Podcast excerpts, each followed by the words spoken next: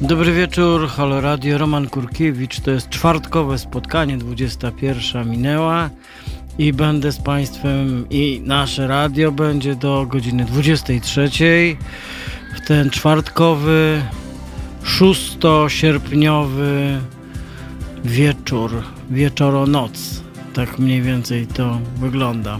Zaczniemy za chwilę oczywiście od Eduardo Galeano. Dla tych, którzy wiedzą, a dla tych, którzy nie wiedzą, to się dowiedzą. Halo Radio.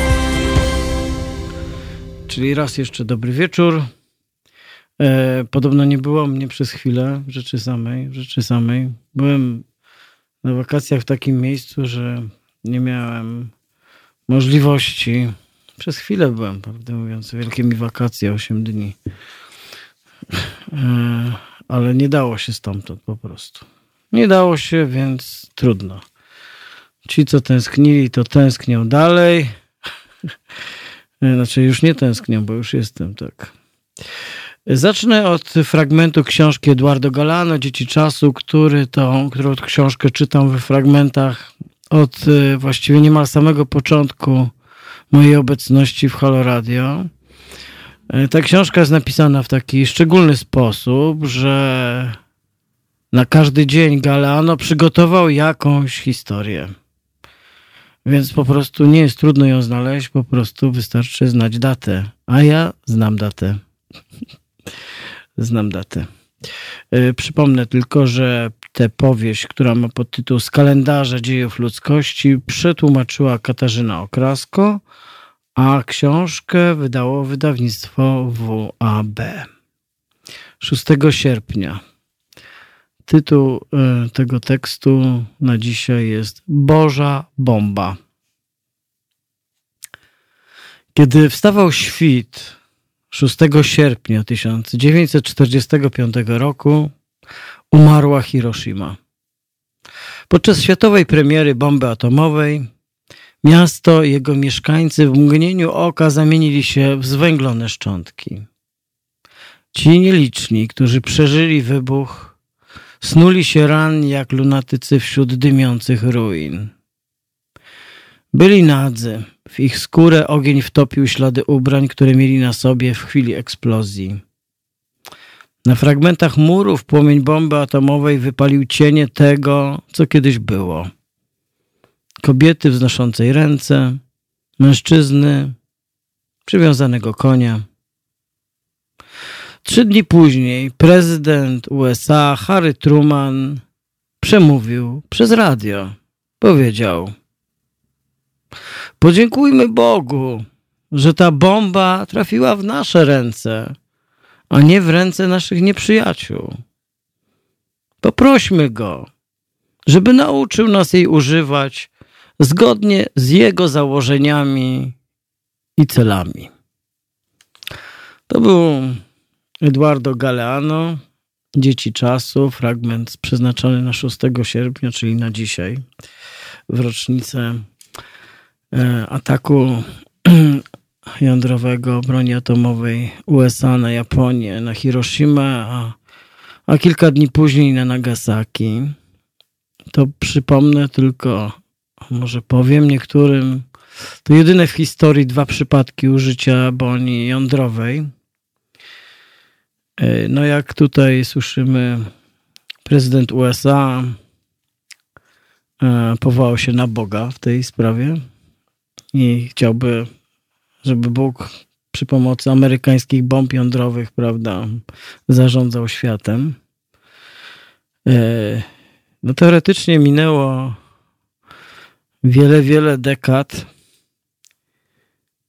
i wydawałoby się, że takie myślenie powinno dawno odejść do lamusa, ale nie odeszło. E, prawdę mówiąc, czytamy o tym ten fragment i wspominam tę historię, przywołując ją dzisiaj za sprawą Galeano w cieniu eksplozji w Bejrucie, stolicy Libanu. E, no tutaj mamy zupełnie inną historię. E, chociaż przez chwilę oglądając pierwsze ujęcia z tej eksplozji, trudno nie było mieć takich skojarzeń. bomba w Hiroshimie, co jest dziwne, była oczywiście dużo potężniejsza. E, przed kilkoma laty trafiłem na dość niezwykły tekst Johna Hirseya pod tytułem Hiroshima. To jest właściwie książka. Książka, która powstała, czy była pisana rok po wybuchu. John Hersey, amerykański dziennikarz, e, pojechał e, do Hiroshimy odnalazł grupę kilkorga osób, które przeżyły i z jakąś zupełnie e, niewiarygodną dokładnością, uważnością, z, właściwie zrekonstruował sekundy z życia tych ludzi tuż sprzed wybuchu. Mamy tam zapisany gest ręki odkładającej filiżankę z herbatą, mamy E, dziesiątki jakichś małych rzeczy. Mamy e, opowieść o tym, gdzie patrzyli, gdzie byli odwróceni, za jakim filarem usiedli, co ocaliło im życie. E, ale to, co w tej książce Hirseja jest niezwykłe, to że opowiada potem o tych kilku dniach, które nastąpiły po samym wybuchu, po końcu świata Hiroshimy. I to jest właściwie zupełnie niesłychanej mocy reportaż o mieście, które zostało samo. E, ponieważ właściwie zginęli wszyscy żołnierze, służby, które normalnie w takiej sytuacji udzielają pomocy, prawda, są zorganizowane, komunikują się między sobą. Trwała wojna, bo pozornie zrzucenie bomby było elementem wojny między USA a Japonią. Prawdę mówiąc, wynik tej wojny był już przesądzony. Wiadomo było, że Japonia przegrała tę wojnę. E, dyskusja na temat, dlaczego właściwie ta bomba została zrzucona, e, trwa, trwa niemal do dzisiaj tak naprawdę można powiedzieć, że jak gdzieś się dzieje wojna i biorą w niej udział Amerykanie albo Rosjanie, to tak naprawdę chodzi jak zawsze o wojnę między nimi. A po prostu miejsce, które cierpi, które doznaje krzywd, śmierci, e, niewyobrażalnego zniszczenia, jest tylko po prostu przypadkową scenografią. E, z drugiej strony można też powiedzieć, że zrzucenie tej bomby ale co ważne, książka Hirseya, książka Hirseya została przetłumaczona na kilkadziesiąt języków i ukazała się na całym świecie. To była książka, która ukształtowała myślenie o świecie i konflikcie wojennym na kilka dekad. Dopóki oczywiście o niej pamiętano. Dzisiaj już o niej nikt nie pamięta. Eee ta, ta historia opowiedziana przez Hirseya tak naprawdę zaowocowała tym, że przez te kilkadziesiąt lat nie wybuchł konflikt o wymiarze światowym, ponieważ istniał tak zwany szantaż atomowy. Ale może to dobrze. Znaczy, nie pochwalam nigdy ani przez chwilę tego, co się stało i co zrobili Amerykanie. Prawdę mówiąc, y, Mówiąc krótko i wprost, podobnie jak bombardowania takich miast jak Lipsk i Drezno, była to zbrodnia wojenna, ale zbrodnia wojenna dokonana przez naszych, tak zwanych naszych. Ani oni byli nasi wtedy, ani dzisiaj, czego oczywiście w Polsce ani rządzący, ani duża część społeczeństwa oczywiście nie rozumie, nie akceptuje, nie zdaje sobie z tego sprawy. Amerykanie zrzucili tę bombę we własnym interesie. Jak zawsze zresztą. To jest jedyna, jedyna czytelna motywacja. Jedyna motywacja, która decyduje o posunięciach tego imperium dzisiaj zarządzanego przez wariata, prawda, i pół debila. No, dlaczego pół właściwie? Nie wiem, przepraszam za skromność. E Y, książka Johna Hirseya była niezwykła z bardzo wielu powodów. On oddał głos ludziom, którzy przeżyli. Wśród nich byli jezuici, e, e, którzy tam byli, e, jak to się mówi, tymi misjonarzami. oddał głos młodemu lekarzowi, który, ponieważ zginęli wszyscy inni lekarze, został nagle, a sam miał chyba ledwo skończone studia, albo dopiero je kończył. To właściwie niemal jedynym lekarzem w całej Hiroshimie. E, ta książka wywołała we mnie takie poczucie właściwie fizycznej obecności tam, w tym, tej Hiroshimie. Ta książka opisała taki moment, kiedy któryś z bohaterów wędruje wzdłuż rzeki, która, w której chronili się ludzie, ponieważ wszystko naokoło płonęło, więc oni, oni i zwierzęta, które przeżyły, chronili się w rzece.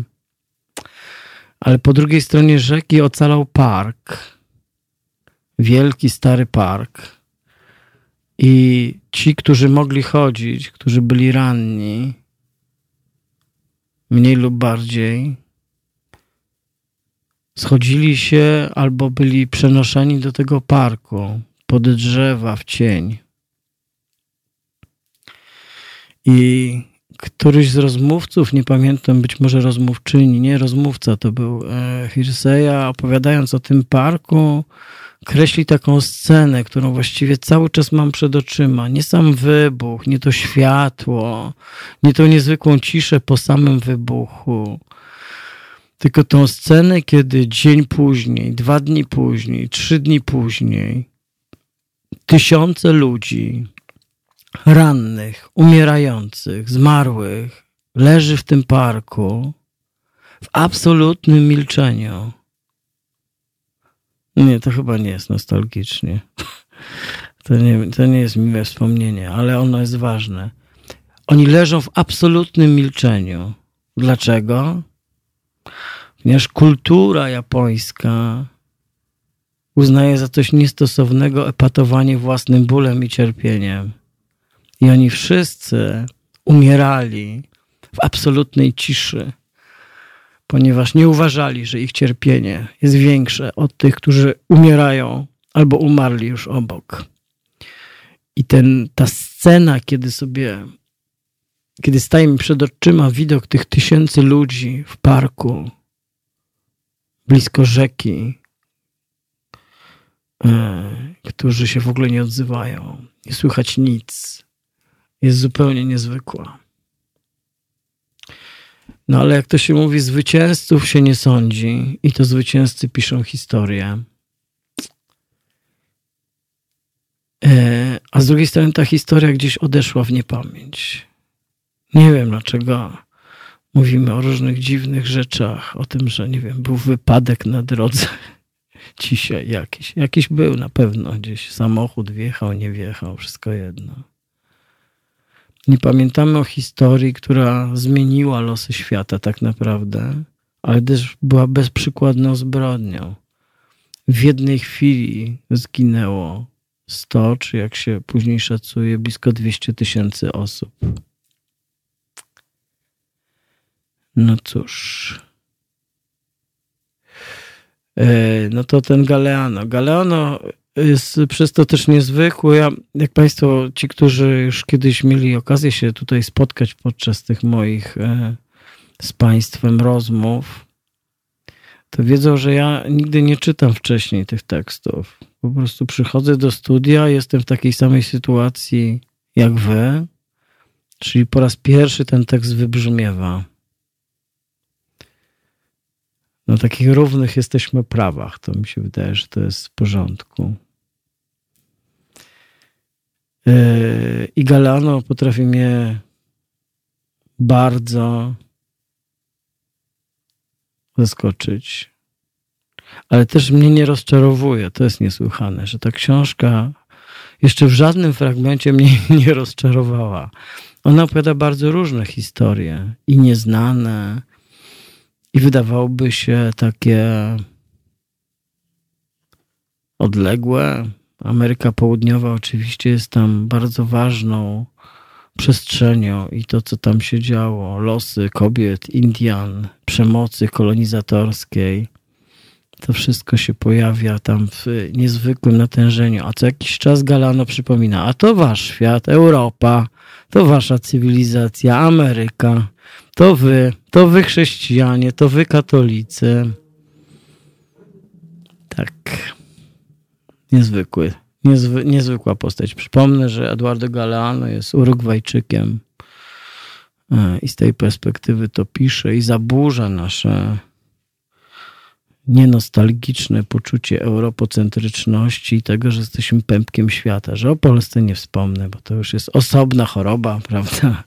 To jest ten ciężki przypadek, e, to jest ten wirus, który się zmutował, prawda? I mutuje się dalej. E, no to może wystarczy tych smutów na początek, ale z drugiej strony e, nie wydaje mi się, że wolno nam o tym zapomnieć. I po książce, po lekturze książki Johna Herseya Hiroshima, e, która jeszcze właściwie jedną anegdotę opowiem, bo ona jest ciekawa. Ta książka ukazała się w piśmie New Yorker. Pierwszy raz w historii New Yorkera, legendarnego periodyku nowojorskiego, E, ten tekst wypełnił cały numer. Drukowany był zresztą w konspiracji, dlatego że redaktorzy mm, obawiali się, że jeśli wcześniej wycieknie informacja, że jest drukowany reportaż Hirseya o Hiroshimie, to zostanie nakład skonfiskowany przez cenzurę wojskową. I w kompletnej tajemnicy cały New Yorker został wydrukowany i, e, i trafił do punktów sprzedaży. Taka to była historia. Wydaje mi się, że Hirsey jeszcze też kilkadziesiąt lat później pojechał jeszcze raz i próbował odnaleźć tych, z którymi wcześniej rozmawiał, i z tego chyba powstała druga książka, ale, ale jej nie znam. Więc, więc o tym, o tym nie powiem. E, to czas na tak zwaną muzę. Będą dla nas grać i śpiewać Rolling Stonesi, Angie. No, myślę, że to jest ok. Słuchajcie, powtórki programu. Halo Radio.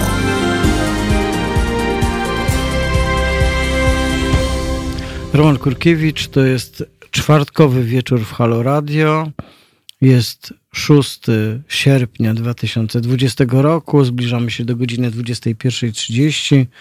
Rozpocząłem od, rozpocząłem od rozmowy opowieści Zagaleano o rocznicy zrzucenia bomby jądrowej e, na Hiroshima mm, przez Amerykanów. Widzę, że tutaj żywa dyskusja, przynajmniej na YouTube'owym czacie, ale chyba nie chcę do końca, nie chcę chyba do końca wchodzić w, w tę dyskusję, tak jak ona tutaj poszła, szczególnie, żeby, żeby się zajmować jeszcze wujkiem Stalinem teraz.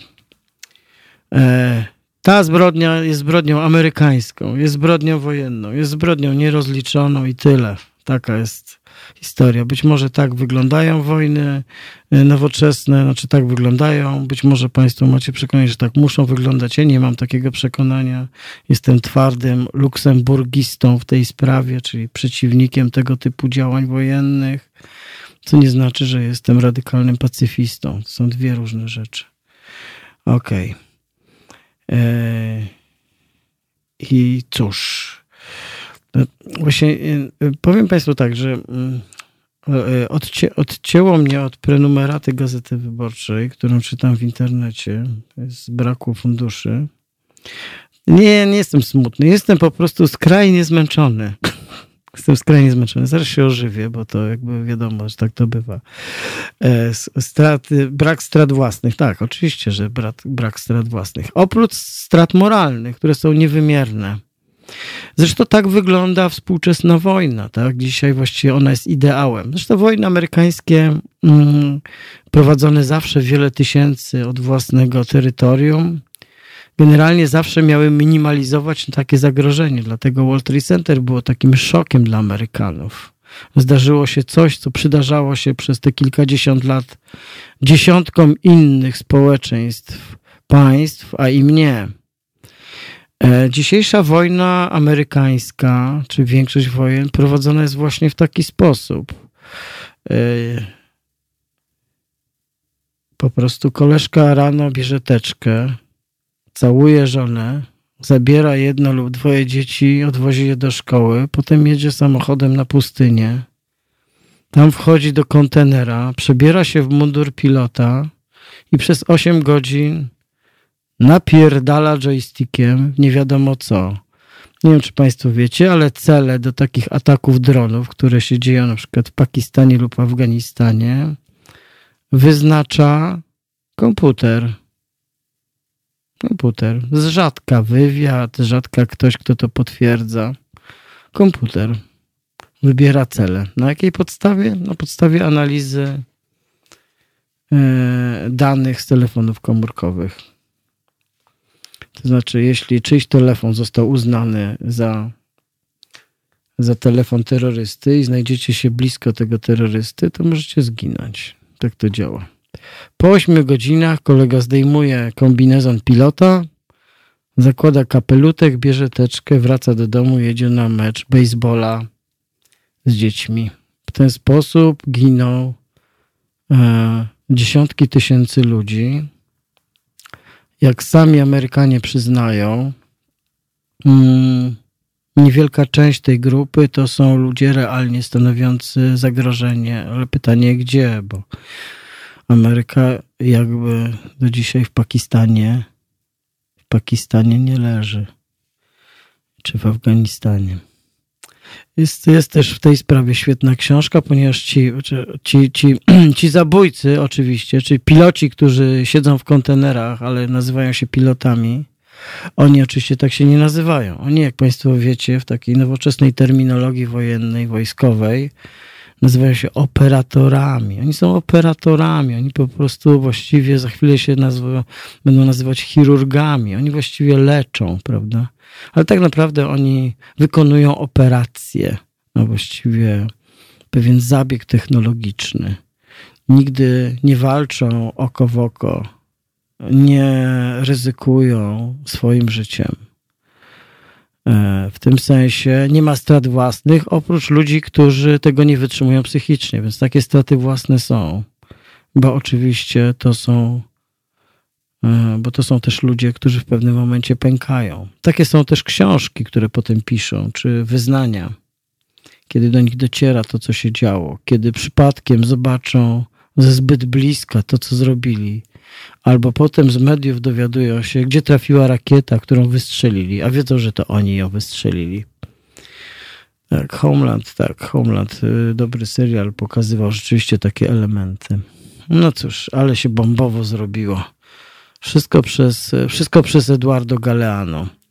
Ale zacząłem od tego, że nie mam prenumeraty wyborczej, bo chciałem e, coś pogadać. Podobno było jakieś za krzywo przysiężenie dzisiaj. Ale na, powiem tak, nawet, nawet nie wiem, czy to było dzisiaj. Może komentatorzy mi, może komentatorzy mi pomogą. Czy to było dzisiaj, to krzywo zaprzysiężenie André Dudy? E, czy to było dzisiaj, czy to nie było dzisiaj? Ja nie wiem. Ja nie wiem. Nie mogłem tego doczytać, bo zostałem odcięty od źródeł informacji, a poza tym cały dzień ciężko fizycznie pracowałem. E, bo wtedy można by to skomentować, bo widziałem takie fotografie, widziałem, e, widziałem wielu posłów i posłanki głównie. Dziś, dziś, proszę bardzo, czy nie jest ze mną tak źle? Przez chwilę, e, przez chwilę mm, miałem jakiś kontakt z siecią i rzeczywiście to było dzisiaj. Maseczki w kolorach tęczy widziałem na twarzach posłów i posłanek niektórych formacji, niektórych tylko. Widziałem też e, taki transparent, który pani posłanka Jachira rozciągnęła, e, na którym było napisane krzywo przysiężca. Nie wiem, czy przekaz dotarł do adresata. Z tego, co się orientuję, to raczej nie.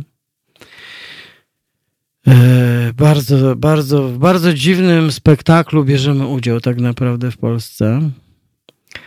E, z jednej strony jest to tragifarsa, ale jak myślę o takim wymiarze farsowym, e, to, e, to rzeczywiście trudno się śmiać z tego.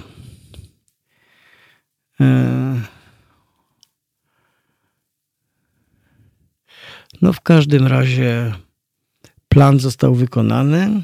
Wszystkie instytucje, które mogły się przysłużyć takiemu zakończeniu, zakończeniu tej historii wyborczej, przysłużyły się z Sądem Najwyższym i stworzonym izbą, stworzoną izbą do tego, żeby zatwierdzić ważność wyborów, nie uwzględniając jakichkolwiek zastrzeżeń wszystkich tych, którzy złożyli protesty. To jest y, bardzo, bardzo ciekawa lekcja rozpisania demokracji na pewien rodzaj e, autokratycznego ustroju. E, jak to mówią, ustawodawca tego, ustawodawca tego nie przewidział.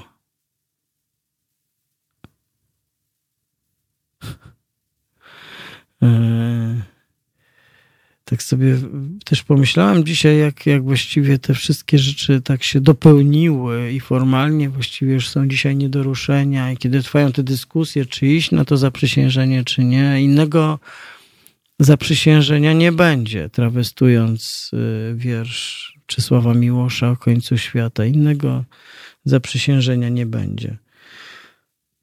To, że ten plan został kiedyś misternie rozpisany.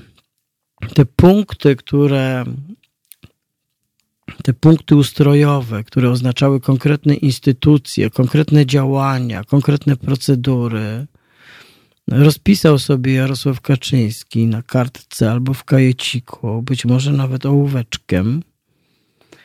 No, ołóweczek, tak mi się wydaje, że pasuje do Jarosława Kaczyńskiego. Nie, może długopis jeszcze, bo piórem to ten człowiek by się po prostu cały zachlapał, ale, ale ołóweczek, ołóweczek. Ale z kolei kto mu zaostrzy ołóweczek dzisiaj?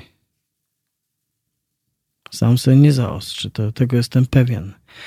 E, I ten plan został zrealizowany przez Sejm, przez polski parlament, przez polskie instytucje, ku bezradności właściwie wszystkich, wszystkich innych. Tak. E, I, no i dzisiaj jest takie, taka kropka tak, postawiona. To zaprzysiężenie jest taką, taką kropką, która zamyka tę historię. Mm, świetny jakiś czas temu czytałem w tej sprawie felieton galopującego majora. E, wydaje mi się, że z najwybitniejszych postaci piszących w taki dzisiaj felietonowy sposób o polskiej polityce. I on tam zrobił taką symulację, gdzie powiedział: Wyobraźcie sobie, że to druga strona stosuje te wszystkie manewry, że zmienia prawo na kilka miesięcy e, wyborcze przed wyborami, że przejmuje telewizję, że robi to, że robi tamto. Dziesiątki tych wszystkich gestów, że wymienia powstaje nowa Krajowa Rada Sądownicza, która potem e, desygnuje sędziów do Izby Sądu Najwyższego, która stwierdza, ozna, która stwierdza ważność wyborów. Wyobraźcie sobie, że robi to ktoś inny. Co by się działo wtedy w Polsce? A u nas jest właściwie cisza, nie?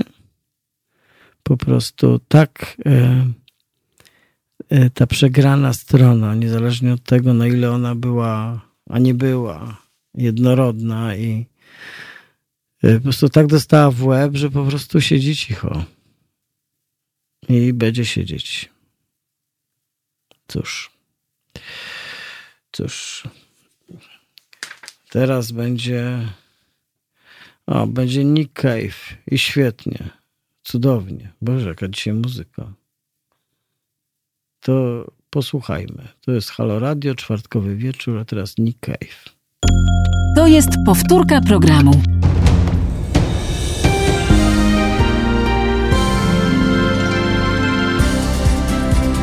Halo Radio.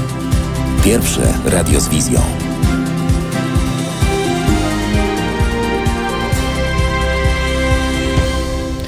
Halo Radio to jest czwartkowy wieczór 6 e, sierpnia 2020 roku. Roman Kurkiewicz, jestem z Państwem od godziny 21. i rozmawiamy, właściwie na razie nie rozmawiamy, na razie ja gadam, to żebyśmy mogli porozmawiać, podam Państwu legendarny numer telefonu, chociaż trudno mi uwierzyć, że jeszcze go Państwo nie znacie. 22 390 59 22 to 22 na początku to jest kierunkowy do Warszawy, bo w Warszawie jesteśmy z siedzibą swoją. E, jesteśmy też e, i są komentarze na transmisji YouTube'owej, na Facebooku. E, można też do nas pisać na adres teraz małpa halo halo.radio. O, o, tak można robić. No teraz tak, muszę przypomnieć o zrzutce. Ciągle się zrzucamy na ten kościół katolicki. Znaczy nie tyle na kościół, co na to, żeby opowiedzieć o tym, że kościół e, że kościół po prostu zżera jakieś gigantyczne pieniądze polskiemu państwu. I Halo Radio bierze udział w zrzutce, organizuje zrzutkę na rzecz takiej kampanii społecznej, której skalę tych wydatków na Kościół porównuje się z wydatkami na inne fundamentalne potrzeby. Także jeśli Państwo możecie, to na zrzutka.pl kampania można znaleźć y, y, tą naszą akcję. Ile kosztuje nas Kościół katolicki? 20 miliardów rocznie. Ta akcja billboardowa odbędzie się w kilku polskich miastach dużych. W Warszawie, w Łodzi, w Krakowie, w Poznaniu, w Katowicach, w Wrocławiu i Trójmieście. O! I będzie trwała ta zrzutka. O, a na ekranach, jak ktoś ogląda, to teraz widać te billboardy, które się pojawiają dzięki Państwa pieniądzom. Jak już o pieniądzach mowa, to oczywiście tradycyjnie podziękuję wszystkim tym z Państwu, którzy nas wspierają swoimi wpłatami, czy okazjonalnymi, czy systematycznymi. Często są to bardzo niewielkie kwoty, ale te niewielkie kwoty też budują e, stabilność takiego medium jak, e, jak nasze. Bardzo Państwu dziękujemy. Nie wiem, kiedyś czytaliśmy takie listy podziękowawcze, nie czytamy już? Co przerwa? Dobrze będą. Może usłyszę swój głos. Jak dziękuję albo nie. Zobaczymy. Tak. No cóż, cóż, cóż, cóż. Więc tak, tutaj odbębniłem te nasze zbiórki kościelne i niekościelne. E, to chciałbym, chciałbym właściwie powiedzieć, że mm, bardzo czekam na ten legendarny telefon, prawda? No, tak. Ale znowu nic nie dzwoni. Albo się urwą zaraz te telefony. Hmm. No tak, tak. Tutaj się pojawia wątek, co zrobił PiS. Albo tak. No proszę Państwa, no sytuacja jest taka, że, że, że ponad 10 milionów ludzi, Polaków, Polek zagłosowało na PiS. Rzeczywiście forma tej demokracji, którą PiS uprawia, nie jest, nie jest formą, która, która jest mi bliska, bo jest to tak zwana dyktatura większości. To jest demokracja rozmówia, rozum, rozumiana w taki sposób e, właśnie E, dość zamknięty, to znaczy, że jak wygrali, to wszystko nam wolno. Prawdę mówiąc, e, to nie jest tak, że PiS pierwszy tę metodę stosuje, ale PiS oczywiście zrobił to w sposób radykalny, bo PiS ma taką umiejętność, żeby e, pewnego typu wątki, tendencje, no jakby ktoś powiedział, odchylenia, słabości, pęknięcia w demokracji, po prostu przekuć na regułę, na zasadę, na to, żeby to była po prostu metoda i tyle. I w tym sposobie, w tej metodzie myślenia o demokracji, mniejszości w ogóle nie mają głosu. Zostały przegłosowane. To jest jakby powiedzieć, przegraliście na wieki wieków. Amen. To jakby jest też tutaj nawiązanie do takiej kościelnej historii. Na wieki wieków amen przegraliście, na wieki wieków amen trwa do kolejnych wyborów, które jak widać coraz ciężej będzie wygrać, bo bo to już nie są zwykłe wybory. E, nie są zwykłe, ponieważ e, sposób, w jaki, w jaki władza się okopała i w jaki sposób właściwie frontalnie e, e, bierze udział w takiej kampanii wyborczej. To doskonałym przykładem jest minister Piątkowski, który przez kilka miesięcy zamiast się przygotowywać do decyzji o tym, co się będzie działo ze szkołami od 1 września, po prostu jak cały rząd jeździł po całej Polsce, zachwalając Andrzeja Dudę. To też, to też musi być tak sobie czasem myślę, że jednak dramat takich ministrów, czy niektórych z tych postaci pisowskich, kiedy kiedy oni wiedząc, kim jest Andrzej Duda i wiedząc, że muszą go wspierać w taki, a nie w inny sposób, myślę, że mogą przeżywać naprawdę spore rozterki, ale nie wiem, czy Państwo jesteście skłonni zajmować się rozterkami notabli PiSu. Ja też za bardzo się tym nie zajmuję, e, ale tak sobie wyobrażam, że to nie jest łatwe dla nich. Przełykanie tej żaby raz za razem a żaba dorodna. Andrzej Duda to nasza naprawdę najbardziej dorodna żaba, jak mi się wydaje. No cóż. E, słyszę, że już kancelaria Sejmu e, ze swoich stron zdjęła zdjęcie, na którym widać posłanki posłów w tęczowych maseczkach.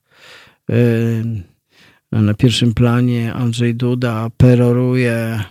To jest, to jest niesamowite. Pytanie jest, y, zawodowcy zadają pytanie, czy, czy on to bierze tak po prostu organicznie, czy jednak ze wspomaganiem nadaje.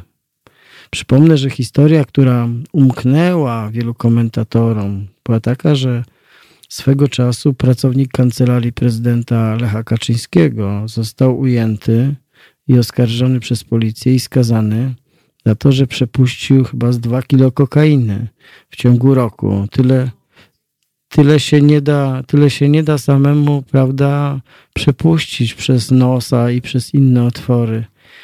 Więc może to jest, y, może to jest jakaś metoda. Ale jest telefon, telefon, wynalazek, prawda, skradziony co prawda, ale Daniela Bella.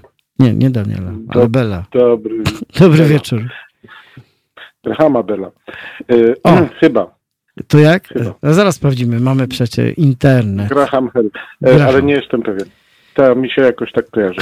E, Dobry wieczór Romanie, dobry wieczór słuchacze, dobry wieczór realizacjo. Wybacz, nie, nie poznałem cię i po imieniu nie powiedziałem. Dobrze, ale zostawmy.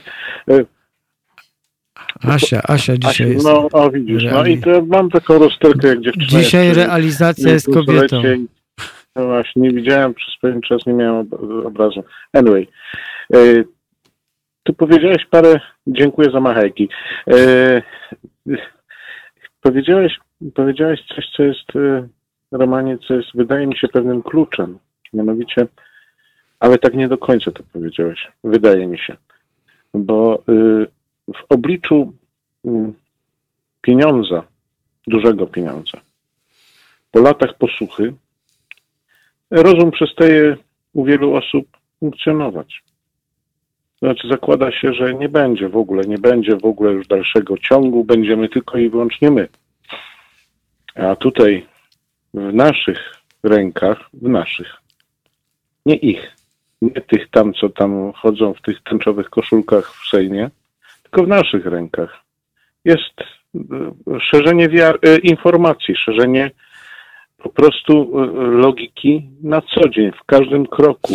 To, to trzeba robić nieustannie, to trzeba robić bez przerwy. W każdym działaniu głupim trzeba powiedzieć, ale dlaczego człowieku tak zrobiłeś? Po co mi to zrobiłeś? Czy ty, czy ty zdajesz sobie sprawę z tego, że y, możesz być w- tak samo w tej samej sytuacji za rok, a może za pięć miesięcy, a może za dwa dni, a może jutro ciebie nie będzie? Ja tutaj mówię bardzo pięknie i opisowo, to trzeba w skrócie oczywiście, bo ten przekaz dawać tym, tym ludziom, z którymi się rozmawia. No niestety, no nie mamy innego wyboru, bo masz absolutnie rację, że dalszy ciąg formalnie wygląda ciemno, no ale to od nas zależy, od naszej aktywności na co dzień, na ile tych ludzi, którzy są ciągle tak przetworzeni przez informację centralnego nadajnika, będzie dużo. Jak ich będzie dużo? To jest moje, to moja taka Mhm. dygresja wieczorna.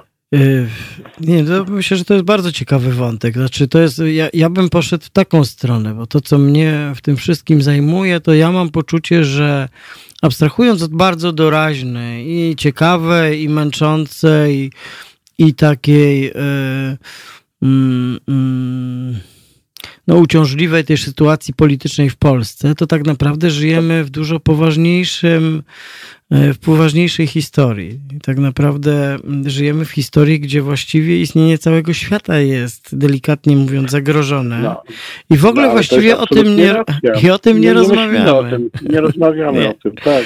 I ja mam... nie rozmawiamy. Mm. Dopiero, tak, wybacz, e, do, do, do, jeżeli nas to zaczyna dotykać, prawda, najczęściej nie spostrzegamy tego w szerokim kontekście świata, tylko postrzegamy to w kontekście naszej teraźniejszości, naszej najbliższej teraźniejszości. To, że nam sprzedaż spadła o 80%, czy tam 60%, niektórych jeszcze gorzej, y, to widzimy w tym, w tym kontekście. Nie widzimy oczywiście, no ja przepraszam, że generalizuję tutaj my, bo ja, ja mówię tak w sensie społecznym, szeroko społecznym. Te poszczególne ludy, jakoś nie łapią tego szerszego kontekstu, nie? Tak mi się wydaje. Właśnie do tego, do tego trochę zmierzam. To znaczy, ja to, do czego tak, chciałem, tak, do czego zmierzałem, to chciałem powiedzieć, że ja mam poczucie, że przede wszystkim obserwujemy. To, to trochę jest kontra do tego, co ty powiedziałeś, żeby robić, żeby mówić, że to po naszej stronie, że, że logicznie, żeby wykazywać. Ja mam, e, ja mam poczucie, że uczestniczę w gigantycznym spektaklu, który jest odejściem od racjonalności. Racjonalność przestała być decydującą formą komunikowania się ludzi, uzgadniania sposobów działania, poszukiwania rozwiązań, e, uczciwej tak naprawdę debaty. Wszystko to są rzeczy absolutnie passe.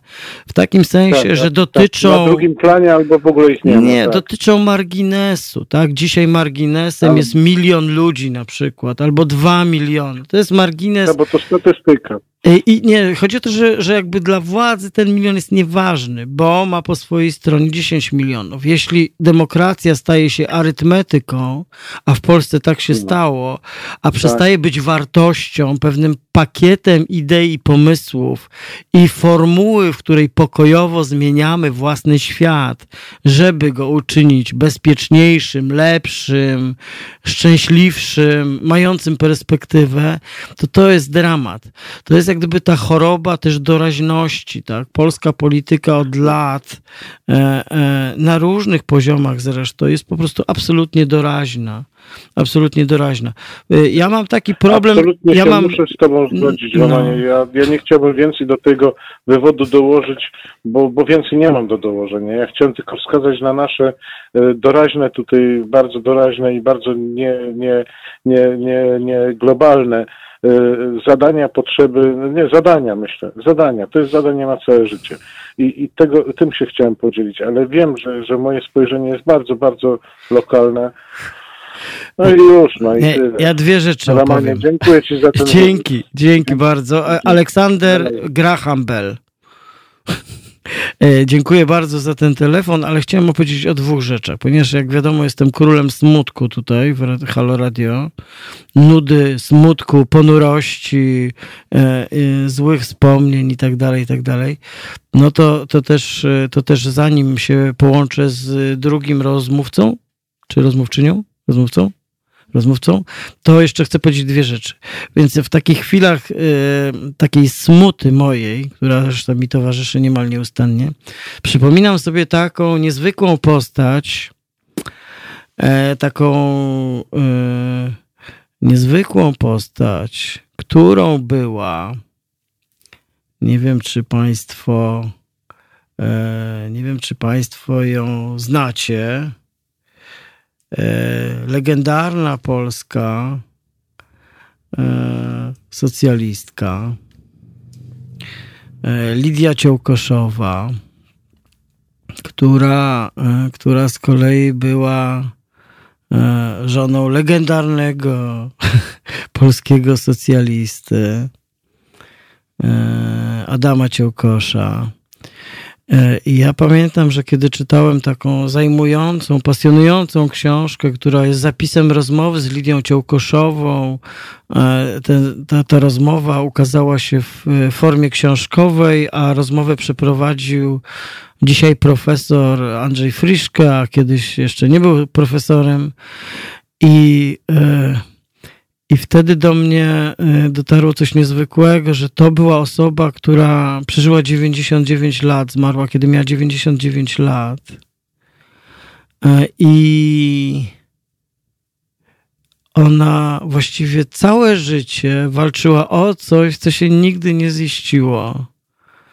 Że całe życie poświęciła czemuś, co moglibyśmy nazwać walką o lepszy świat walce, e, która miała e, w większości swój, e, swój wymiar pokojowy, edukacyjny, pisarski, polityczny, chociaż brała udział w wojnie, II wojnie światowej też chyba walczyła, wydaje mi się. I że ona po prostu całe to życie tak spędziła, że całe całe to życie e, i w Polsce, e, i, i, i, i potem na emigracji, drugą połowę życia, walcząc o rzeczy dla siebie najważniejsze, o ideały i projekty i pomysły tak naprawdę lepszego świata, które nie miały szansy, nie miała sojuszników, nie miała sprzymierzeńców, nie miała głosu tak naprawdę. I to jest y, coś niezwykłego. Oczywiście to jest perspektywa niezbyt wesoła, tak. E, też mamy taką potrzebę, żeby szybciej coś się bardziej udało, ale to nie zawsze jest możliwe. A druga z kolei też opowieść. A, telefon, przepraszam, już tak, przepraszam. Kto, kto z kim dzwonię, z kim rozmawiam? Może zasłuchałem się w ciebie i zapomniałem A, chwilę, że, że, że, ja miałem ochotę zadzwonić. Tak. Witam. Witam, dobry wieczór. Waldemar. Tak dobry jest. Wieczór. Dobry wieczór. Nie będę, nie będę ci czytał o stodole, żeby poprawić ci humor. no. Ale, ale, ale mam takie przemyślenie dotyczące poprzedniej rozmowy mojej z panem Piotrem. Mhm. I ja mam takie, mam taką teorię na, na, na, na, na, na własny użytek, ją stosuję, że po prostu nam się to należy. że, po prostu tak, my po prostu zaniedbaliśmy tyle, tyle, e, tyle tych struktur, które utrzymują społeczeństwo w odpowiedniej kondycji. Tak zaniedbaliśmy uczciwość i autentyczność. My jako ten nieistniejący, jak ja twierdzę, ciągle chcący powstać naród, tak zaniedbaliśmy te wszystkie struktury, tak nam się wydało, że to już, że, że, że tylko, tylko teraz wystarczy się wzbogacić że teraz musimy dostać takie ostrzeżenie i nie ma, nie ma, i nie będzie lekko, bo jeżeli, jeżeli, mm, nie wiem jak to powiedzieć, nie chcę, nie chcę użyć słowa siły, ale ta część społeczeństwa, która chce po prostu wywindować znowu y, nas y, na miejsce, ja uważam bardzo należne kulturze europejskiej i światowej, to jeżeli, jeżeli, jeżeli tego nie zrozumiemy, to będzie znaczyło, że nie powinniśmy funkcjonować w tym nowoczesnym społeczeństwie światowym. Zostaniemy zaasymilowani. To się, to się, dosyć długo. To się kiedyś nazywało rozbiory. No, no, no, no, tak. No, to można różnie nazywać, nie? Ale zostaniemy wchłonięci jako kultura, jako kultura europejska i wcale nie będzie bolesne, uważam.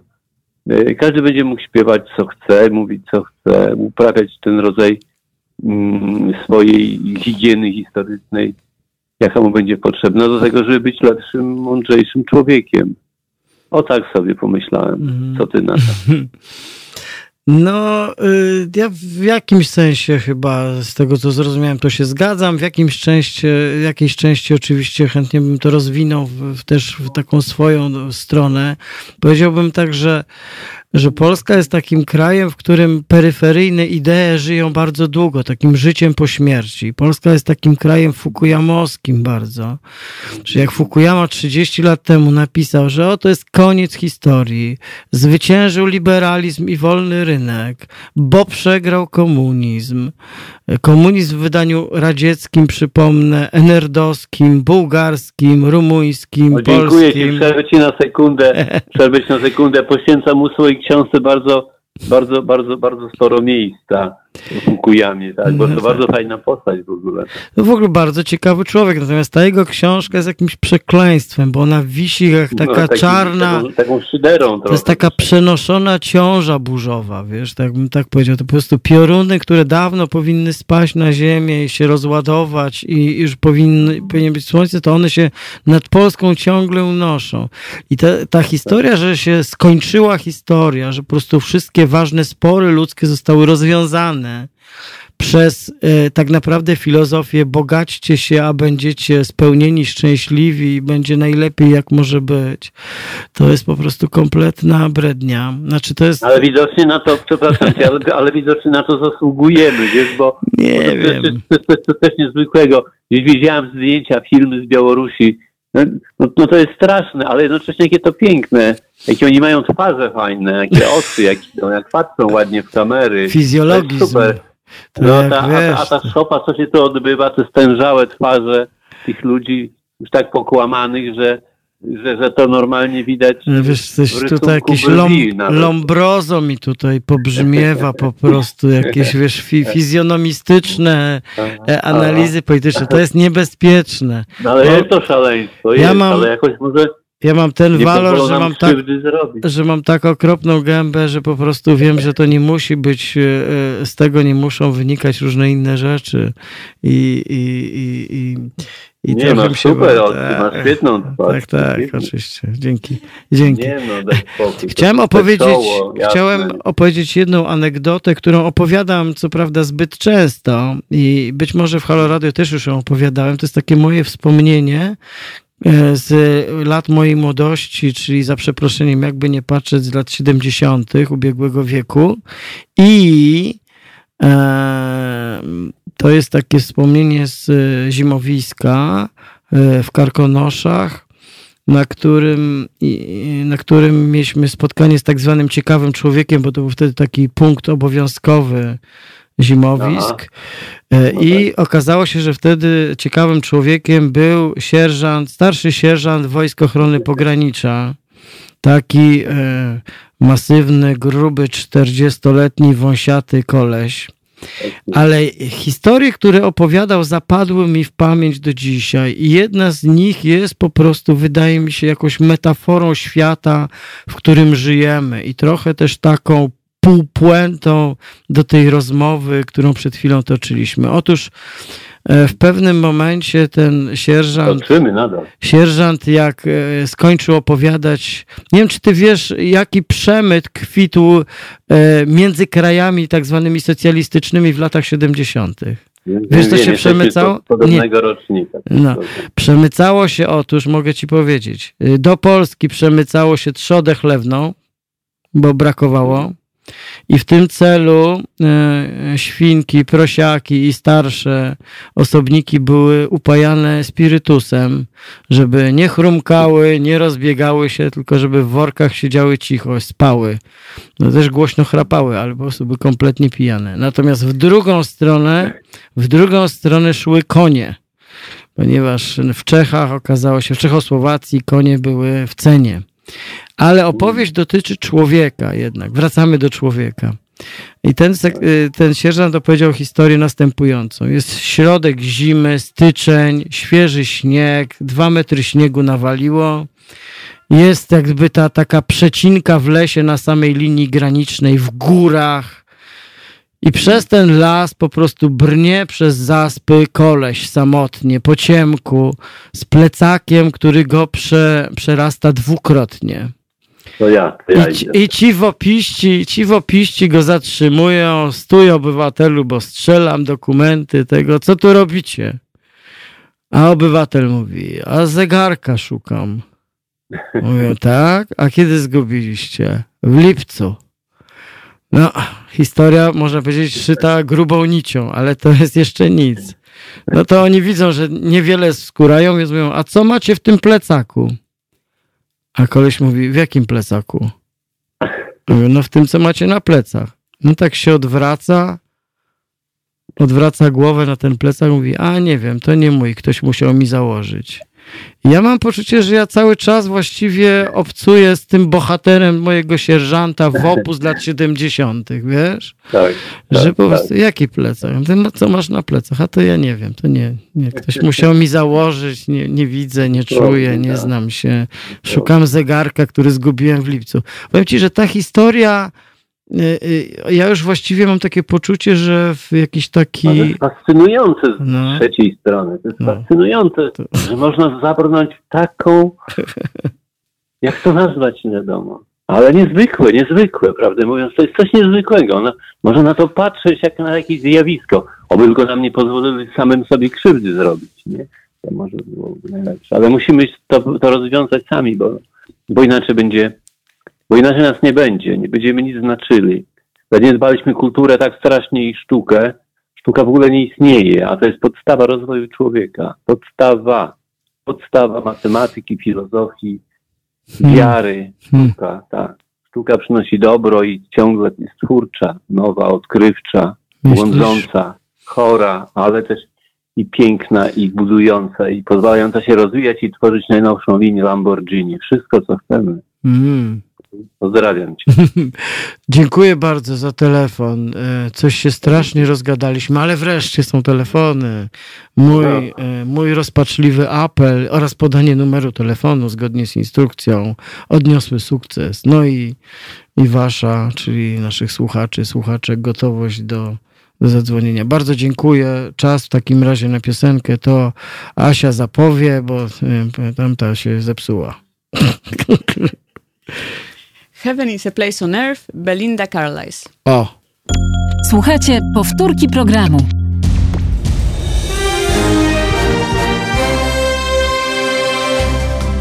Halo Radio. Pierwsze medium obywatelskie.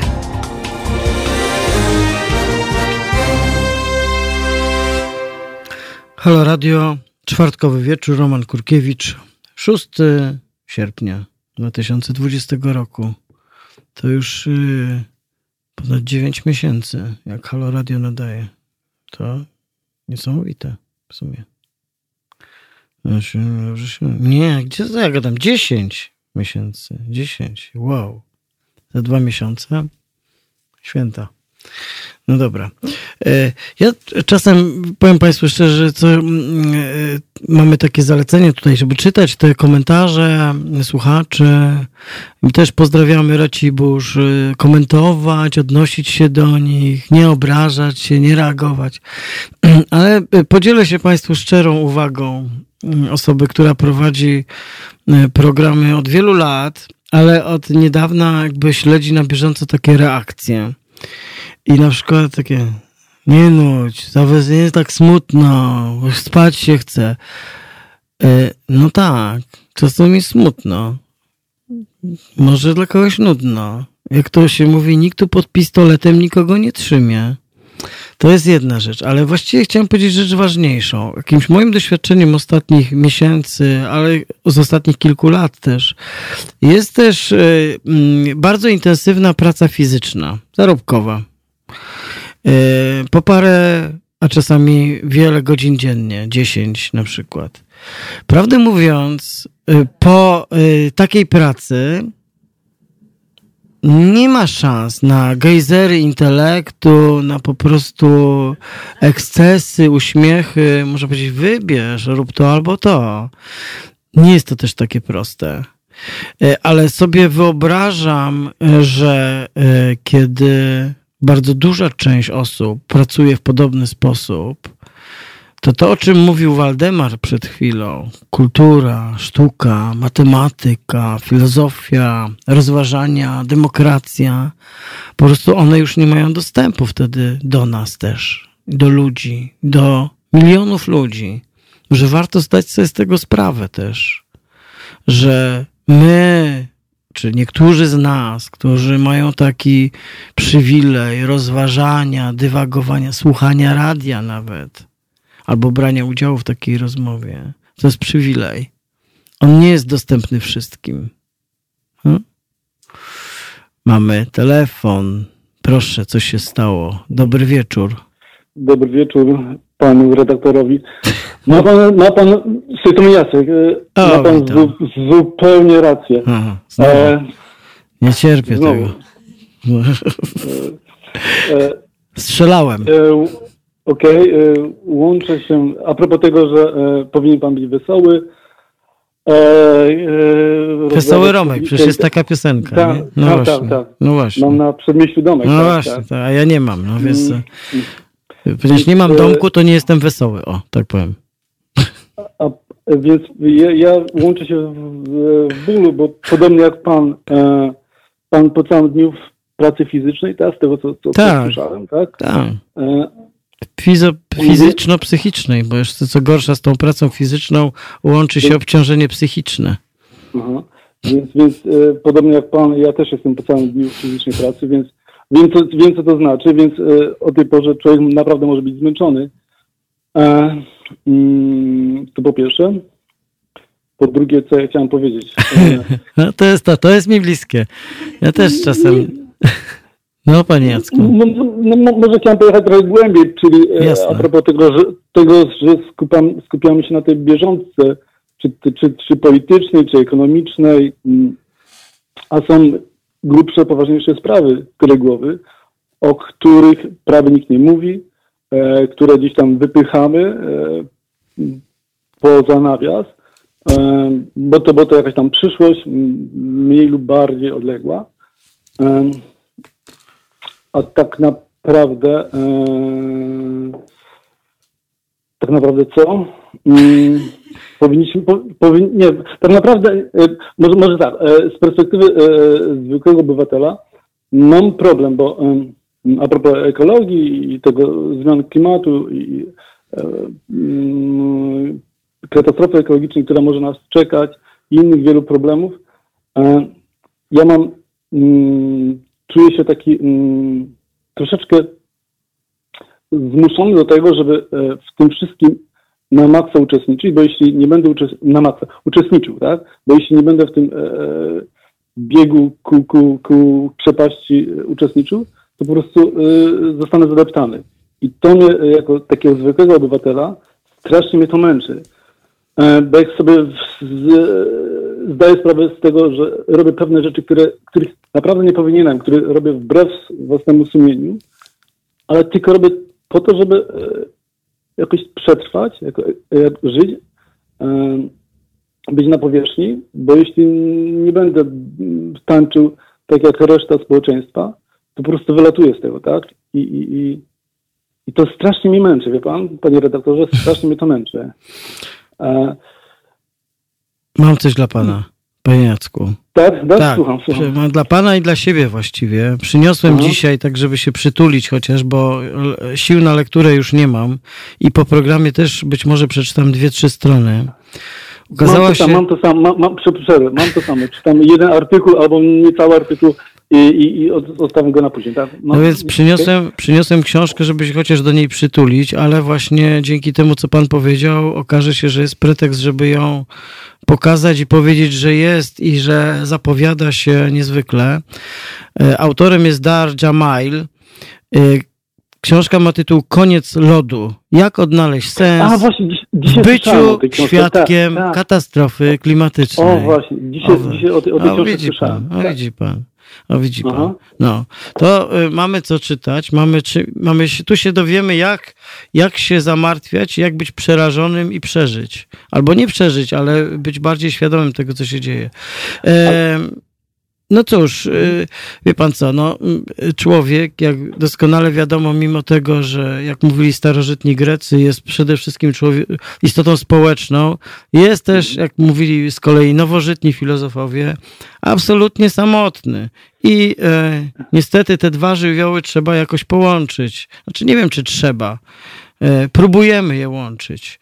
E, mówimy o rzeczach nieważnych. To, ale, ale samotny w jakim, w jakim znaczeniu samotny, że, że, że co? Samotny? No, jakim wie pan, w takim znaczeniu, że tak naprawdę jesteśmy absolutnie sami.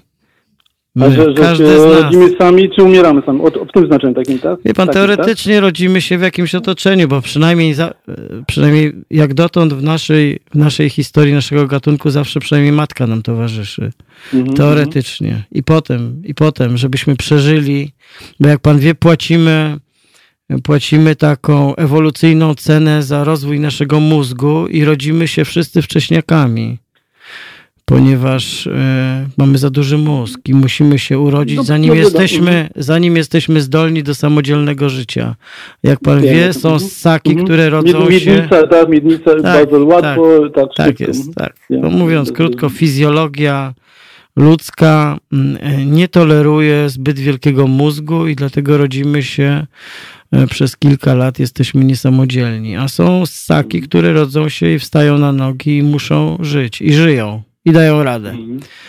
No, więc, y, więc jesteśmy samotni. Znaczy nie chcę dzisiaj o samotności, prawda, bo już wystarczająco smentów dzisiaj było. Tak, tak, Żeby będzie jeszcze dokładać do Hiroshimy, wie pan, do Bejrutu O, o. e, i do Lidii Ciołkoszowej, żeby jeszcze dokładać samotność. Chociaż u Lidii Ciołkoszowej mam takie poczucie, że samotność była przynajmniej jak umarł jej mąż, Adam Ciołkosz, e, bo który był jej niezwykłym takim i partnerem, i przyjacielem, i oni wspólnie wykonywali gigantyczną robotę intelektualną, pisarską, historyczną, polityczną. No, więc tak. y, oczywiście można powiedzieć, że czasami sobie w jakimś sensie osładzamy tę samotność. Na przykład rozmawiając w radiu z ulubionymi słuchaczami, słuchaczkami, Mhm, siedząc, prawda, z fajną realizatorką albo miłym realizatorem. No, co prawda niektórzy realizatorzy palą papierosy, no ale cóż, nikt nie jest bez wad. I realizatorki też, przypomniałem sobie. więc, y, y, więc gdzieś tam, wie pan, no, y, jak to się mówi, zagłuszamy ten, te, te bol, ten bolesny przekaz o tej samotności. Ale dzisiaj o samotności nie będzie, bo zaraz się okaże. O tym mówi koleżanka w programie o psychologii. Dajże spokój, człowieku.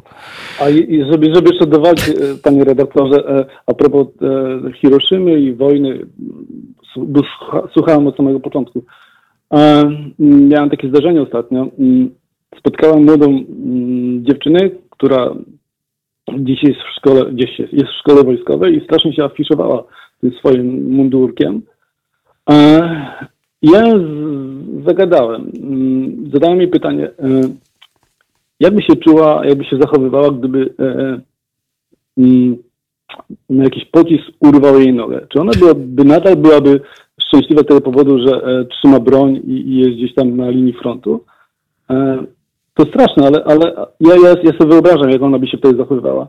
Ona już, ona już nie byłaby dumna z munduru i z tego wszystkiego wokół, tylko po prostu by strasznie żałośnie krzyczała.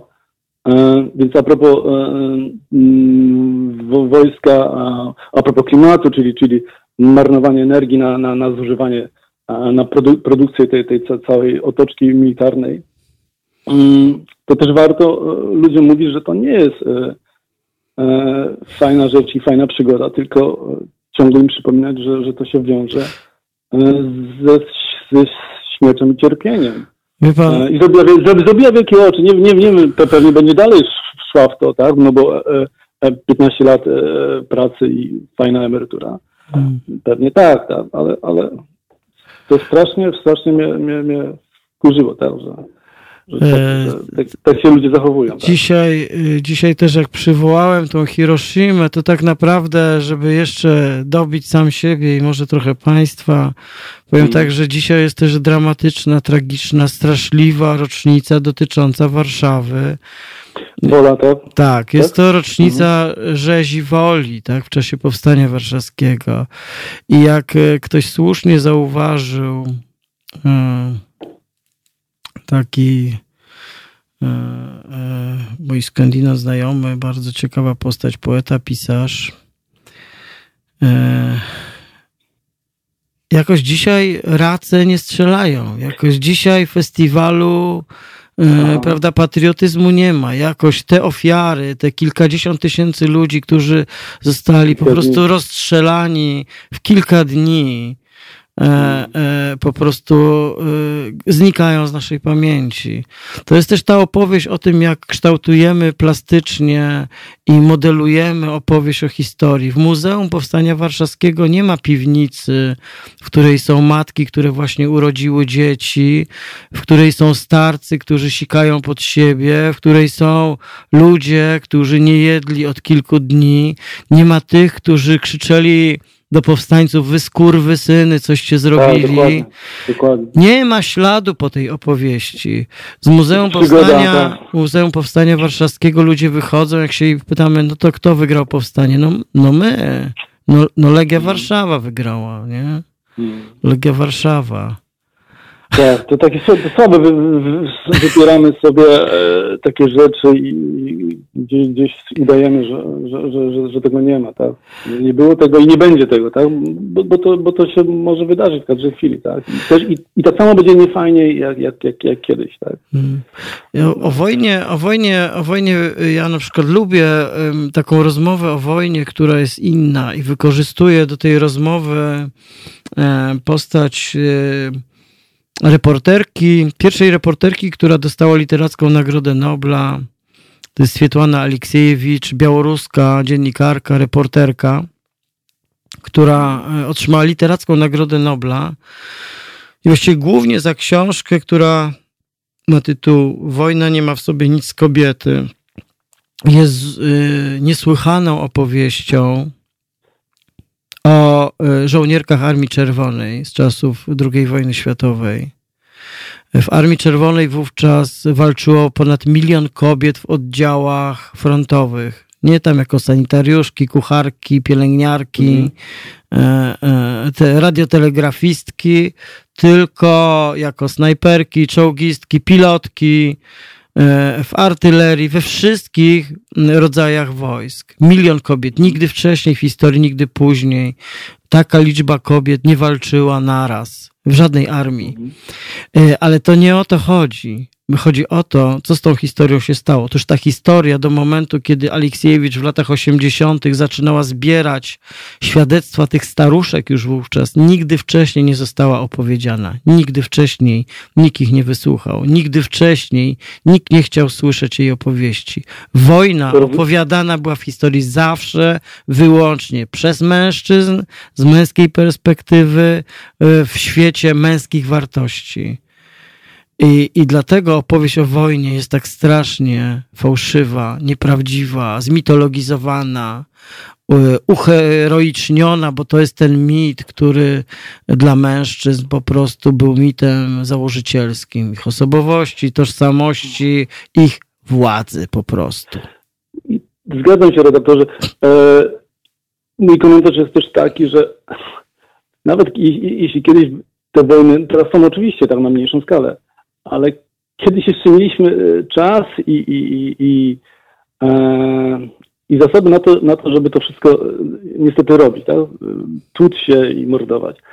A teraz naprawdę specjalnie nie mamy na to zbyt dużo czasu i Bo jesteśmy dużo w pracy. zasobów, tak? no. Bo jesteśmy Bo. Nie to- mamy czasu na wojnę, bo jesteśmy w pracy. Bo to jest nasza no, wojna. No to, to no, nie, no, no, no tak, tak, ale, ale, ale no, ma pan rację, ale e, już ja jadę tak smutno, to zwyczajnie mamy na taką typową wojnę po prostu już nie, nie mamy specjalnie czasu. No. I powiem jeszcze, jeszcze, jeszcze jedną rzecz, tak, bo e, nie chcę przedłużać i zaraz jakieś pewnie będą komentarze niefajne. Nie, niefajne. Mm, a, pro, a, a propos, a propos e, tej ekologii i tej, tych naszych egoizmów, jak, jako zwykły zjadacz chleba, e, to można, to można obśmiać, e, to można nie, nie, powiedzieć, że to jest słabe i, i nieprzemyślane. Ale gdybyśmy, mm, e, nie odchodząc od tych pieniędzy, zrobili coś takiego, żeby e, każdy człowiek miał mm, ileś punktów mm, na swoim koncie, które by mówiły o przypuśćmy tysiąc, tysiąc, tysiąc punktów, no, każdy by dostawał tysiąc punktów. I każdy produkt, każda usługa, każda, każda nasza fanaberia miałaby przypisane ilość mm, punktów, jeśli chodzi o ślad węglowy. Typu mam ochotę dzisiaj polecieć na zakupy do Paryża. Mam 1000 punktów. E, Lot do Paryża zjada mi 500 punktów. Zostało mi 500 punktów na, e, na inne rzeczy. Przypuśćmy miesięcznie, tak? E, Więc to w jaki sposób musiałoby wpłynąć na to, na nasze decyzje konsumenckie. Mm, Ja wiem, że to, jest- to, to jest nieprzemyślane, to jest, e, to jest, to jest, to jest, to jest to, mm, tego się nie da zrealizować, tak? No nie, nie, ale tak wie pan, wie, wie, jest- wie, ale wie, pan, jest- wie pan o co chodzi, tak? Wie Jest pan o co chodzi, tak? gorzej. Jest gorzej, Wie panie. Jacku. Ja gorzej, wiem, jeszcze gorzej, jeszcze gorzej, Jest jeszcze gorzej, dlatego że ten mechanizm właściwie już jest wprowadzany w życie. Problem polega Co na pan tym, mówi, co pan mówi? Tak, tylko że problem polega na tym, że te, że te punkty są już przyznawane za coś innego i one nie służą tej filozofii, o której pan mówi. Ale, ale, ale, ale, nie, ale nie, ma, nie ma punktów, jeśli, jeśli chodzi o na przykład produkty, usługi. Nie ma śladu węglowego, tak? Nie ma, nie ma, nie ma e, znormalizowanego ty, typu e, e, trzeba, trzeba byłoby spojrzeć globalnie. Ja wiem, że to, nie, to, jest, to jest totalna utopia. Ja sobie zdaję tego sprawę, tak? Ja to rzuciłem teraz na fora, mówię, będę, będę pewnie pojechany, ale to nie, nie o to chodzi. E, e, Gdybyśmy chcieli kiedykolwiek coś takiego zrobić, tak? E, to, to, to jest myśl nie na Polskę, nie na Europę, tylko na świat. Górnolotne słowa, bzdura, bzdury. Ale gdybyśmy gdzieś tam próbowali zrobić coś takiego, że każdemu, każdemu jest przypisane jak, jakiś, jak, jakiś ślad węglowy, tak? To, to, to też to zmniejsza te nierówności społeczne, tak? Które są ogromne, przeogromne, tak? 1% ludzi ma tyle, tyle pieniędzy, zasobów, co 50% tej najuboższej części świata. Tak? To, to jest coś przerażającego, tak? E, bo trzeba jakoś ludzi po prostu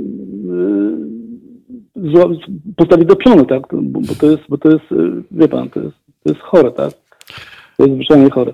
Nie wiem, przy, przynudzam, okej, przynudzam. To, do, Nie, dobra, nie, okej, nie. To okej, jest dobra, dobry moment, żeby przypomnieć, bo też padły takie pytania, o jakiej tu ja książce mówiłem. Może ta idea punktów. Koniec, kon- koniec tak. Koniec lodu. Jak odnaleźć Koniec lodu, sens w byciu tak. świadkiem katastrofy klimatycznej. Dar Jamail jest autorem. Książkę wydała krytyka polityczna, jakby nie patrzeć. Jeszcze, przepraszam, w kwestii formalnej przełożyła Aleksandra Paszkowska. To jest ważne, kto przełożył książkę. E, więc e, ja myślę, że o tej książce ja bym chciał na pewno kiedyś w radiu e, Halo Radio porozmawiać. Niestety mam taki się, okropny, się. mam taki okropny zwyczaj, że staram się rozmawiać, a właściwie rozmawiam wyłącznie o książkach, które przeczytałem. Y, A w świetle tego, co mówi... co, w tym złego? Co w tym złego? Przynajmniej pan wie, o co, o co tam chodzi w tej książce. Wie pan tak? co? Y, Znaczy chodzi o to, że to nie jest powszechne. Pamiętam jak jeszcze kiedyś przed laty w innej rozgłośni prowadziłem program o książkach i po którejś rozmowie autorka, z którą rozmawiałem, podeszła do mnie i tak wyściskała mi, jak ja panu bardzo dziękuję, bardzo panu dziękuję. Mówię, ale za co? Przecież odbyliśmy normalną rozmowę. Nie, ale pan przeczytał książkę. Mówię, no co w tym Aha. dziwnego, że autor programu o książkach przeczytał książkę autorki, którą zaprasza do programu i mówi, że pana, pan nie ma pojęcia nie o świecie, mówi. To jest rzadkość, to jest rzadkość. Ja przychodzę, oni mówią, no to proszę teraz powiedzieć krótko, o czym jest pani najnowsza książka, prawda, o czym traktuje. Także... Bardzo krótko i bardzo wesoło. Tak? No, Także y, koniec lodu mnie czeka. Niestety, może dzisiaj zacznę, ale na pewno dzisiaj nie skończę. Ja na pewno kupię. No tak. Ale może, no tak, tak. Myślę, że też jest w wersji elektronicznej, więc można nie zostawiać śladu węglowego, czyli nie O. drukować jej. Aczkolwiek tu się słynna, Je, je, słynna wojna Mhm. papieru, prawda, z, z filozofią cyfrową tutaj. To jest inny temat, na inną rozmowę. Panie Jacku, bardzo Okej, dziękuję e, za rozmowę. Życzę dobrych snów. Niech pan e, pielęgnuje ten projekt punktów. Może kiedyś do niego wrócimy. Jakby pan go opracował tak bardziej konkretnie, albo podesłał mi tekst tego pana projektu, to możemy kiedyś zrobić o tym program. Ja jestem za tym. Wie pan, ja to w tych sprawach to w ogóle nie jestem pacyfistą. Ja e, proponowałem na antenie Haloradia wprowadzenie kary śmierci za wycinanie drzew. To był Mówi, przy tak, tym, pamiętam, tak. pamiętam. Tak, I tak, to tak. po prostu nie ma, nie ma zmiłuj po prostu. Koniec. Inaczej nie dotrze. Za... Okej. No, Panie Jacku, życzę dobrej nocy, bardzo dziękuję za Czwart- telefon. Czwart, czwarta 15 wstajemy. tak jest. Powodzenia. No, kto może o 4.15, inni wstają wcześniej. Ja, no, ja wstaję. Kto rano wstaje, ten E, ten, ten jest tak, Chodzi właśnie, niewyspany. chodzi niewyspany. No. Okej, Okej. dobranoc. Dobranoc, do widzenia, dziękuję. No to chyba czas, pani Janno, na piosenkę, na muzykę, na utwór. Don't Fear the Reaper, Blue Oyster Cult. O, Słuchajcie powtórki programu.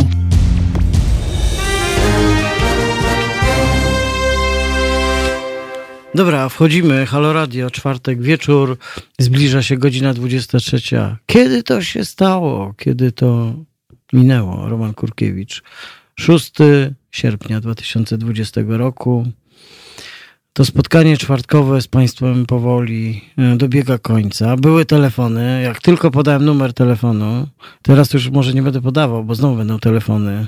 Ale z drugiej strony mam obowiązek podawać numer telefonu 22 390 59 22. Numer telefonu do naszego studia w Warszawie.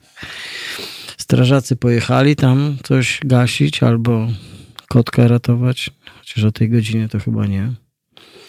Yy, No i yy, tak dzisiaj się zrodziło sporo tematów. Ja się niestety ożywiłem. Zamiast pójść spać teraz, to będę yy, strącał spokojnie adrenalinę z siebie.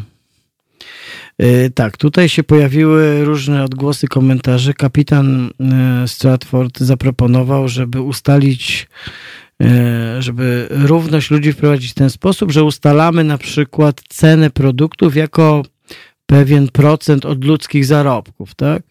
No, taki pomysł w pewnej formie funkcjonuje, co prawda nie dokładnie w takiej formie, ale na przykład to dotyczy y, wysokości mandatów za wykroczenia drogowe w Skandynawii. Nie wiem, czy w całej Skandynawii, ale na pewno w niektórych krajach skandynawskich, że tam się płaci dokładnie w zależności od swoich zarobków czyli za określone przestępstwo jest procent od, y, od zarobków, a zarobki są jawne. PIT, y, PIT y, po prostu jest publiczny. Policja go zna, każdy go może poznać. I po prostu wtedy pamiętam o historii się dowiedziałem, kiedy jakiś koleżka za przekroczenie e, prędkości, posłuchajcie teraz Państwo, polscy kierowcy, uwaga, słuchajcie, za przekroczenie prędkości o 7 km na godzinę, 7 km na godzinę zapłacił ponad milion dolarów mandat, bo tyle zarabiał, 7 km na godzinę. Tutaj nie ma kierowcy, który nie przekracza o 15 km na godzinę. Dobrze, e, więc tutaj takie, takie utopijne wariacje się pojawiają. To w ogóle jest super temat na bardzo ciekawy program.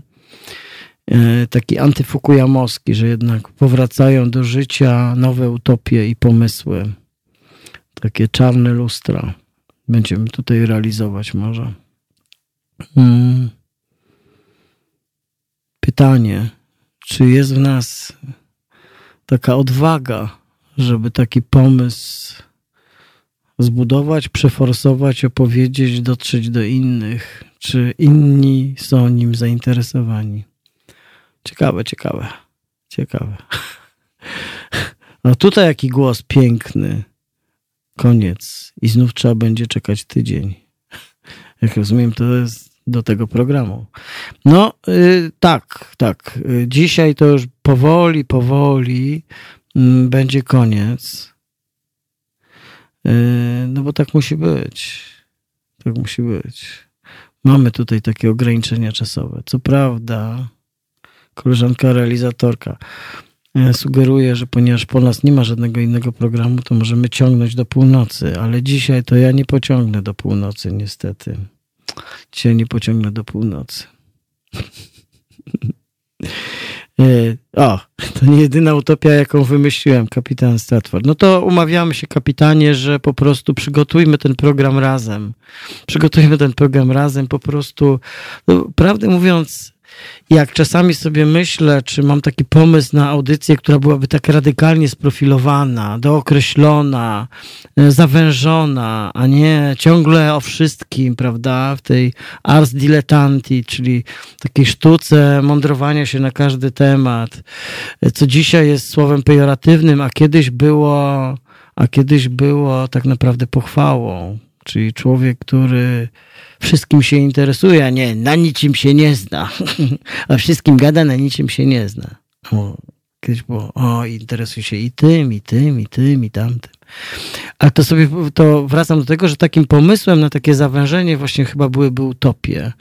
Utopie to jest jedna z moich, e, z moich miłości. Ja uważam, że utopie e, są ważne, bo utopie tak naprawdę e, zastąpiły myślenie magiczne i w jakiejś mierze religijne, ponieważ budują opowieść o nieznanym świecie, ale świecie, który my możemy stworzyć. I dlatego one są ważne, one są e, mimo pozorów szaleństwa przeważnie bardzo racjonalne, przemyślane, konsekwentne, odkrywcze. E, ale tak sobie myślę, że utopię można budować chyba tylko wspólnie, że utopię autorstwa jednego człowieka to dzisiaj jest passé, że taka jest też technologia pracy dzisiaj, takiej nowoczesnej, kreatywnej, że pracują różni ludzie z różnych dziedzin, że to nie jest tak, że jak usiądzie pięciu fizyków, to oni to wymyślą. Trzeba się trzeba usłyszeć coś innego. Aczkolwiek przypomniała mi się teraz anegdota kompletnie nie na temat, ale chyba ją opowiem.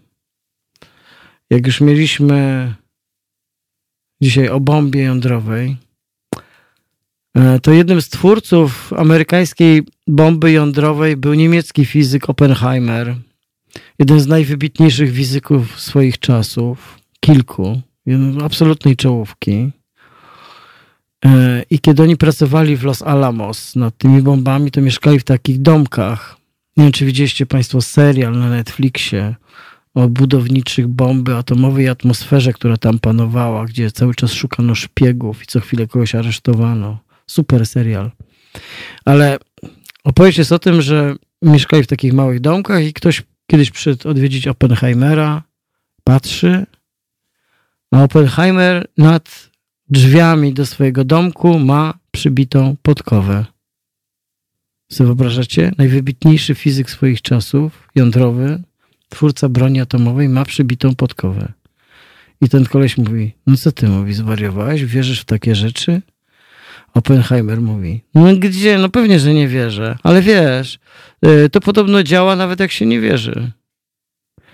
I wiecie Państwo, to, to jest taka ścieżka, którą, tak, mam takie poczucie, że, że też bardzo intensywnie podążamy. Razem z moim sierżantem Wojsk Ochrony Pogranicza, prawda, który ujął przemytnika z plecakiem, o którym nie wiedział, że istnieje. E, utopia. O, Proszę bardzo, pani Bożena też tutaj od razu. No to dobra, to jesteśmy umówione. Przyszły czwartek, dwie godziny po prostu utopię. Jedziemy utopię. E, przywołujemy opowieść o starych utopiach, e, proponujemy swoje. O. I budujemy wspólną, bo mi się wydaje, że to jest fajne, że to jest e, coś takiego.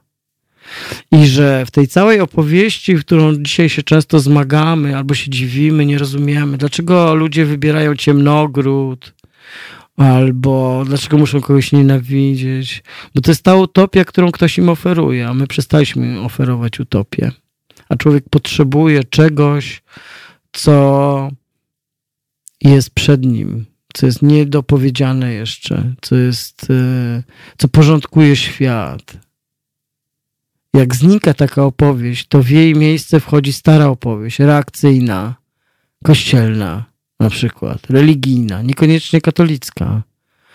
E, w słynnej książce, e, jak on tam się nazywał, zaraz Państwu powiem, e, Gilles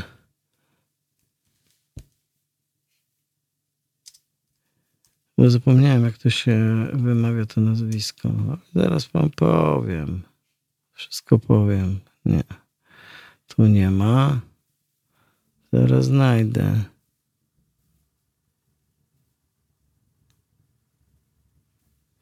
Zaraz znajdę. Jest taka książka. Yy, bardzo fajna książka. Gilles Keppel, o właśnie, Gilles Keppel. Zemsta Boga. To jest taka książka napisana chyba już dzisiaj prawie 30 lat temu o tym, jak, e, jak wielkie religie się obudziły na nowo do życia i wszystkie się obudziły w takiej formie fundamentalistycznej. I mamy jeszcze telefon na dobranoc, jak rozumiem, właściwie już. Dobry wieczór. Tak. Tak. Dobry wieczór, panie Romanie. Bardzo się cieszę, że udało mi się dodzwonić. E, no, chciałem tutaj e, rzucić pewną dygresję. Pewnie odbiega od, od tematu prowadzonej przez pana audycji, ale e, tydzień temu bodajże miałem okazję, jak pewnie inni, inni słuchacze, usłyszeć tutaj wywiad z panem Rzekowskim. W audycji prowadzonej przez pana bodajże Tomasza Piątka. Mm. Nie wiem, czy pan, czy pan słyszał tą, tą audycję. Powiem szczerze, nie. Powiem szczerze, nie. Ale ja byłem mocno zaskoczony jakby mm, taką dojmującą pustką, która jestem, naprawdę jest mi przykro to, to, to teraz twierdzić, która mm, no niestety z wypowiedzi pana Rzekowskiego e, biła całą pełnią. To znaczy takim miałkim, miałkim reportażem osoby, która już chyba wyszła z obiegu. Hmm. I, i, i, i, I przez to i przez to poczułem duży kontrast e, co do poziomu audycji prowadzonej przez Was. Oczywiście na korzyść Halo Radia. Hmm. Także to, to cały, moja cała dygresja i cały mój komentarz do tej sprawy. Panie, Ale skoro to... pan nie słyszał tej audycji. Ja nie słyszałem, więc też jakby nie, nie będę udawał, że mogę się do tego odnieść. Powiem tak, wie pan, e, no też każdy ma prawo mieć gorszy dzień, tak? Ja mam dzisiaj bardzo słaby tak naprawdę dzień, e, ale więc trudno mi ocenić. No, e, Y, myślę, że y, osobom, które tyle lat funkcjonują w takim medialnym obiegu też, jak Jacek Rzekowski chociażby, no, tak. no to jest tak, że mm, myślę, że można postawić wiele zarzutów, też się z nimi spierać, też po to jest ta robota, którą wykonują. Nie chodzi mi o zupełnie mm -hmm. światopoglądowe, prawda, tutaj aspekty tego, tego, tej rozmowy czy, czy w ogóle całej, całej historii Rzekowskiego i jego e, bycia w mediach przez przecież szereg lat, co jest oczywiste, że to wszystko mogło ewoluować jak cały ten kraj.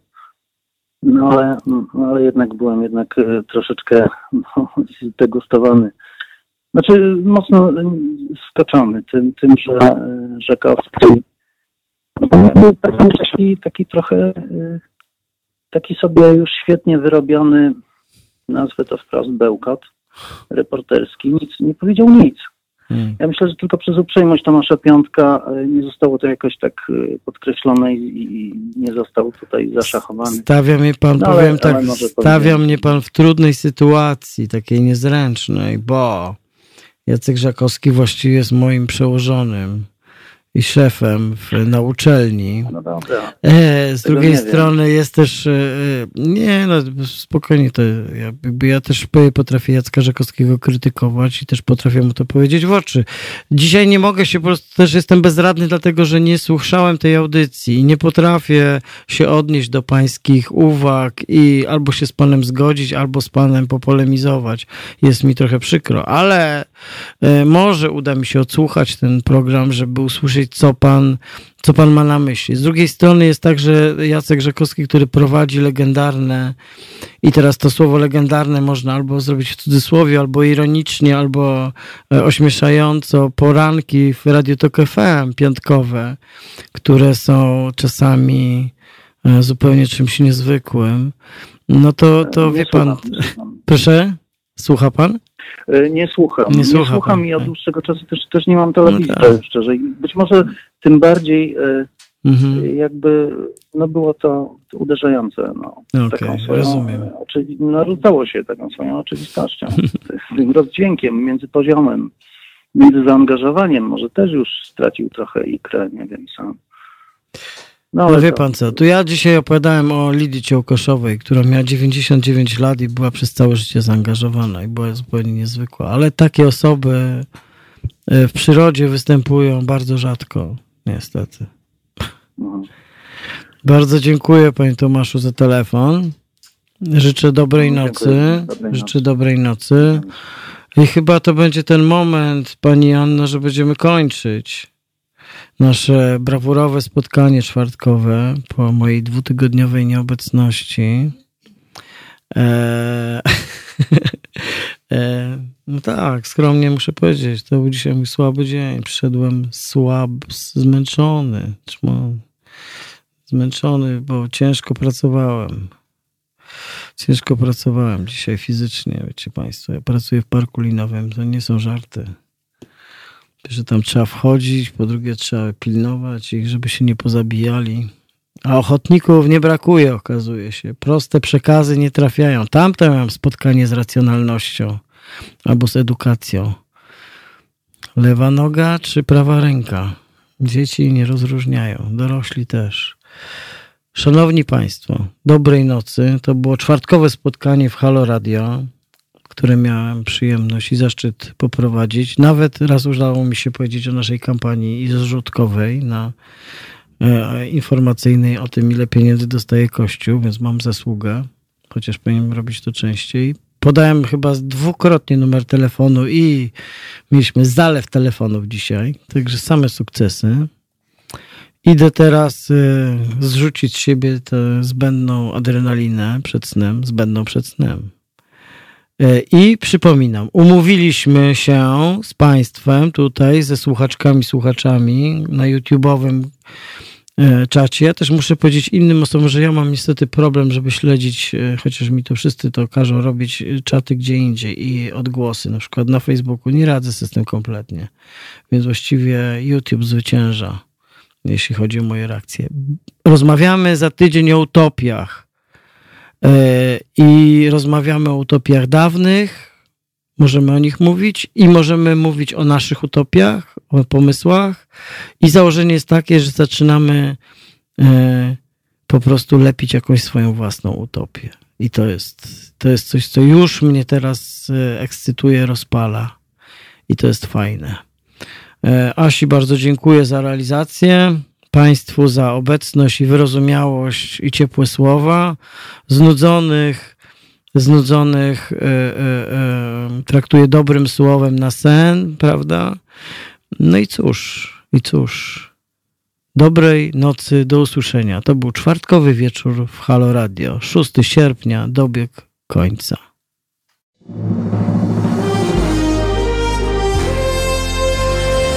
Jutro. Poranny program poprowadzi dla Państwa Marta Woźniak. Aktualne tematy ze świata i okolic oraz Państwa komentarze w Halo Poranku. Od 7 do 10. www.halo.radio. Słuchaj na żywo, a potem z podcastów.